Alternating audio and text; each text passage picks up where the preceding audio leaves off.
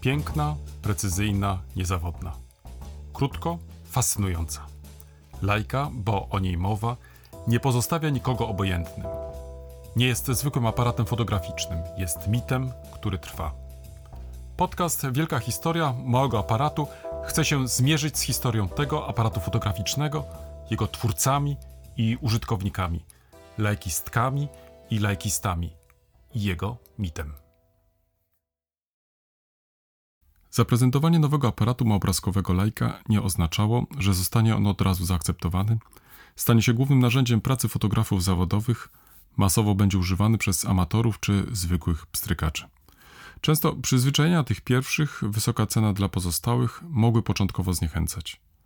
Niektórzy krytycy posuwali się do żartów z lajki, traktując ją jako przejściową modę. Już jednak pierwsze katalogi nowego produktu pokazywały, że firma z Wetzlar od samego początku nastawiona była na liczne i zróżnicowane grono klientów. Oferowano im nie tylko aparat.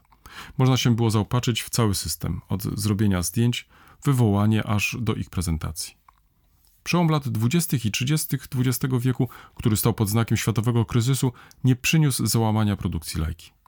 W 1930 roku Leitz zaprezentował nową, zmodernizowaną wersję Leica 1C oraz nowe obiektywy. By przyciągać zainteresowanych, należało tworzyć nowe propozycje. Rękawica rzucona bowiem przez Leitza konkurencji szybko została podjęta. Jego największy europejski konkurent, koncern Zeissa, wypuścił na rynek nowy małobrazkowy model Contax. Na rywalizację tych dwóch ważnych aktorów europejskich oraz wzrost zainteresowania fotografią amatorską zareagowały także firmy produkujące błony filmowe.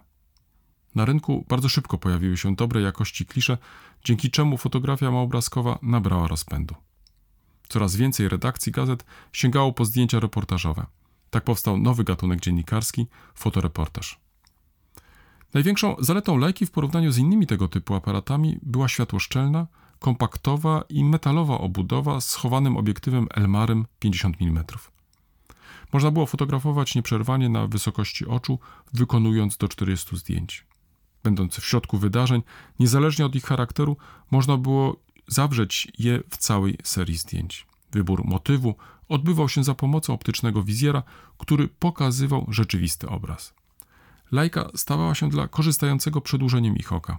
Fotograf pozostawał w bezpośrednim kontakcie z głównym motywem zdjęcia. Jednak liczba sprzedanych aparatów mogła początkowo zniechęcać. W 1925 roku sprzedano 900 egzemplarzy, rok później 1600. Nie były to więc imponujące liczby. Jednak w następnych latach produkcja wzrosła stale o około 50%. W 1938 roku odnotowano rekord. Sprzedano 44 tysiące egzemplarzy.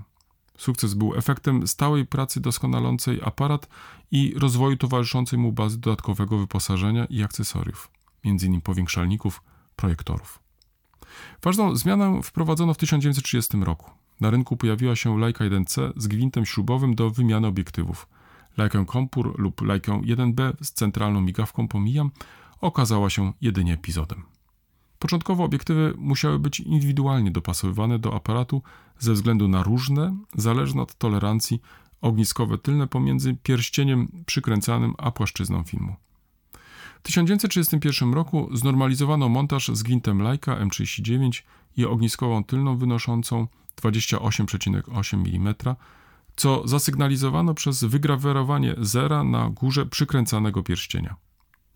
Można teraz było korzystać dość łatwo z różnych obiektywów. Były to standardowy Elmar 50 mm lub jego jaśniejszy odpowiednik Hector 50 mm, szerokątny Elmar 35 mm i Tele 135 mm. W 1931 roku doszedł kolejny obiektyw, tzw. Tak portretowy Elmar 90 mm. W następnych latach pojawiły się kolejne, jeszcze bardziej jasne obiektywy. Marzeniem fotografa także i dzisiaj było jest posiadanie jasnych obiektywów Hektora 73 mm czy Tambara 90 mm. Do 1949 roku Max Berek, optyk i projektant szkieł do lajki, stworzył 22 obiektywy o zróżnicowanej ogniskowej od 28 mm do 400 mm. W 1932 roku na rynku pojawiła się Leica 2. Nowy aparat posiadał wbudowany precyzyjny dalmierz, który był połączony z obiektywem.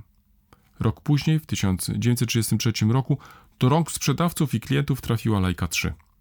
Wprowadzono dłuższe czasy naświetlania między 1,20 a 1 sekundą.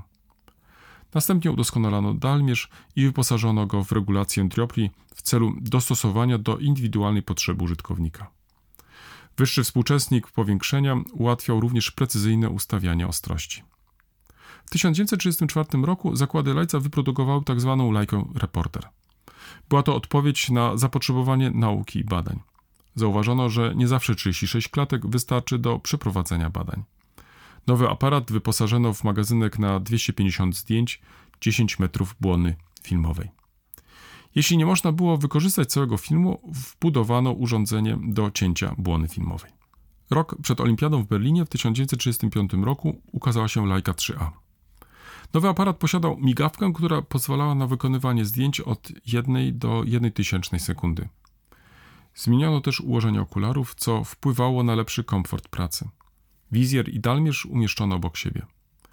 Następną zmianę wprowadzono w 1940 roku. Była to całkiem nowa konstrukcja. Leica 3C miała nieco większy korpus, wykonany w procesie odlewania e, ciśnieniowego. Wcześniejsze korpusy były wykonywane z kilku części i były podatne na uszkodzenia. Następnie model otrzymał nowy licznik do zdjęć, który obracał się automatycznie, gdy film był naciągany. W 1943 roku wstrzymano produkcję lajki.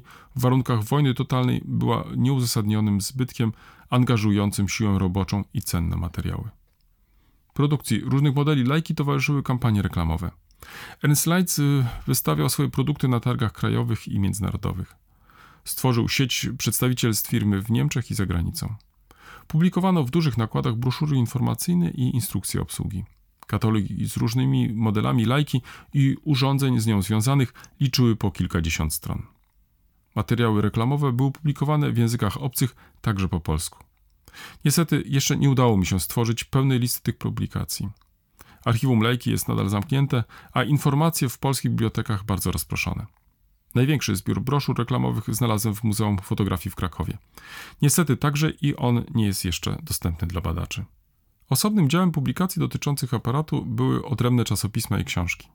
W 1931 roku ukazał się pierwszy numer czasopisma Die Leica Hefte für Klein Filmfotografie und Projektion, Leica, zeszyty fotografii małobrazkowej i projekcji, które wydawał Kurt Emmermann. Czasopismo z przerwą w latach 40. XX wieku ukazuje się do dzisiaj. W innych krajach pojawiły się podobne inicjatywy. W Polsce w latach 1936-1939 ukazywał się miesięcznik fotografii małobrazkowej Moja Lajka. W 1937 roku zmienił nazwę na miesięcznik fotografii małobrazkowej Lajka w Polsce. Fotografom amatorom z pomocą spieszyły także różne poradniki. Wymienię dwa najpopularniejsze z nich. Były to Kurta Emmermana, fotografieren mit Leica, fotografowanie Lajką, Hale 1930 oraz Fritza Wita, Leica Handbuch, leksykon Lajki, Wetzlar 1941 rok. Dużym powodzeniem cieszyły się książki doktora Paula Wolfa, zwłaszcza Meine Erfahrungen mit der Leica, Moje doświadczenia z Lajką oraz Stefana Krukenhausera, Verborgene Schönheit, Ukryte Piękno. Tych dwóch entuzjastów lajki przedstawię bliżej w jednym z następnych podcastów. Wszystkie te działania stopniowo tworzyły coś więcej niż krąg nabywców i użytkowników aparatu. Stopniowo tworzyło się środowisko. W tym miejscu przytoczę zdanie austriackiego fotografa Stefana Krukenhausera, który w publikacji Lajka in alle Welt, Lajka na świecie z 1938 roku pisał: Praca z nią stała się rzeczą oczywistą, a jeśli naprawdę próbuje się pracować nad e, reportażem zdjęciowym, to jest ona konieczna. Obecnie dysponujemy narzędziem, które daje tyle swobody w projektowaniu, że w przyszłości uwaga nie będzie skupiona na kamerze i jej technologii, jak dotychczas, ale na obrazie jako ostatecznym celu całego działania.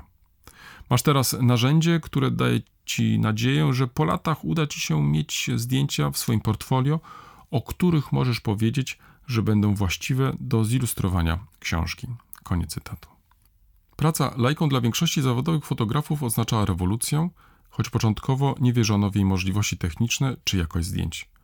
Była to typowa reakcja na nowe czasy, obawa przed utratą dotychczasowych umiejętności i wpływów, natomiast na lajkę żywo i pozytywnie zareagowali od razu fotoamatorzy. Coraz więcej z nich było na nią stać, w miarę jak rozwijała się masowa produkcja.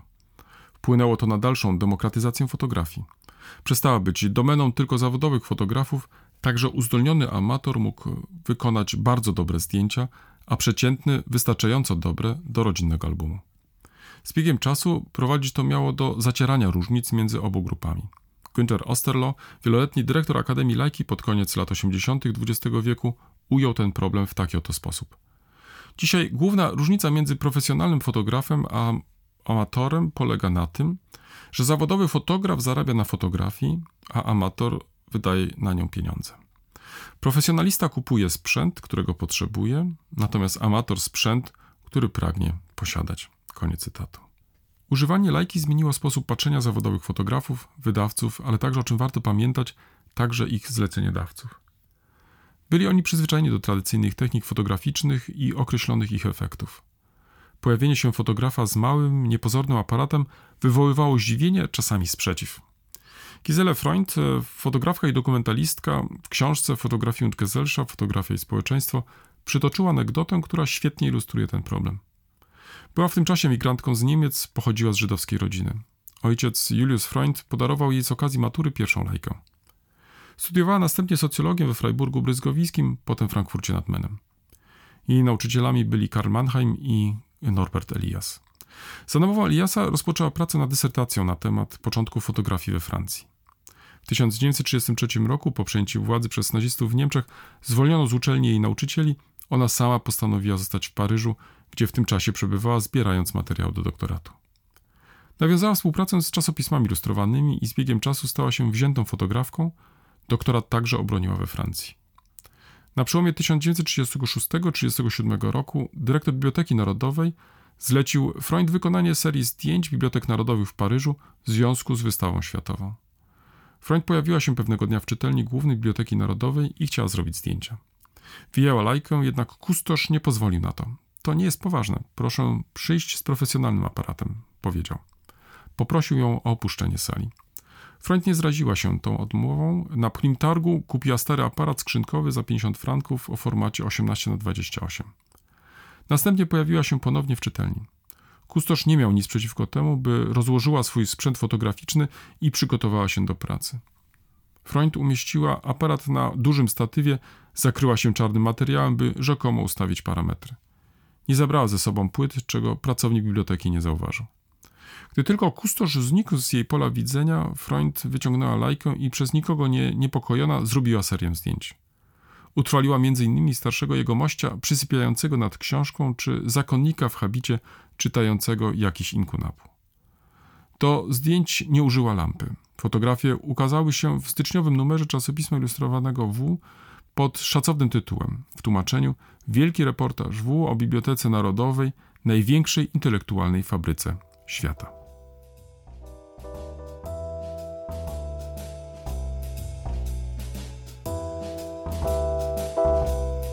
W tym miejscu stawiam kropkę.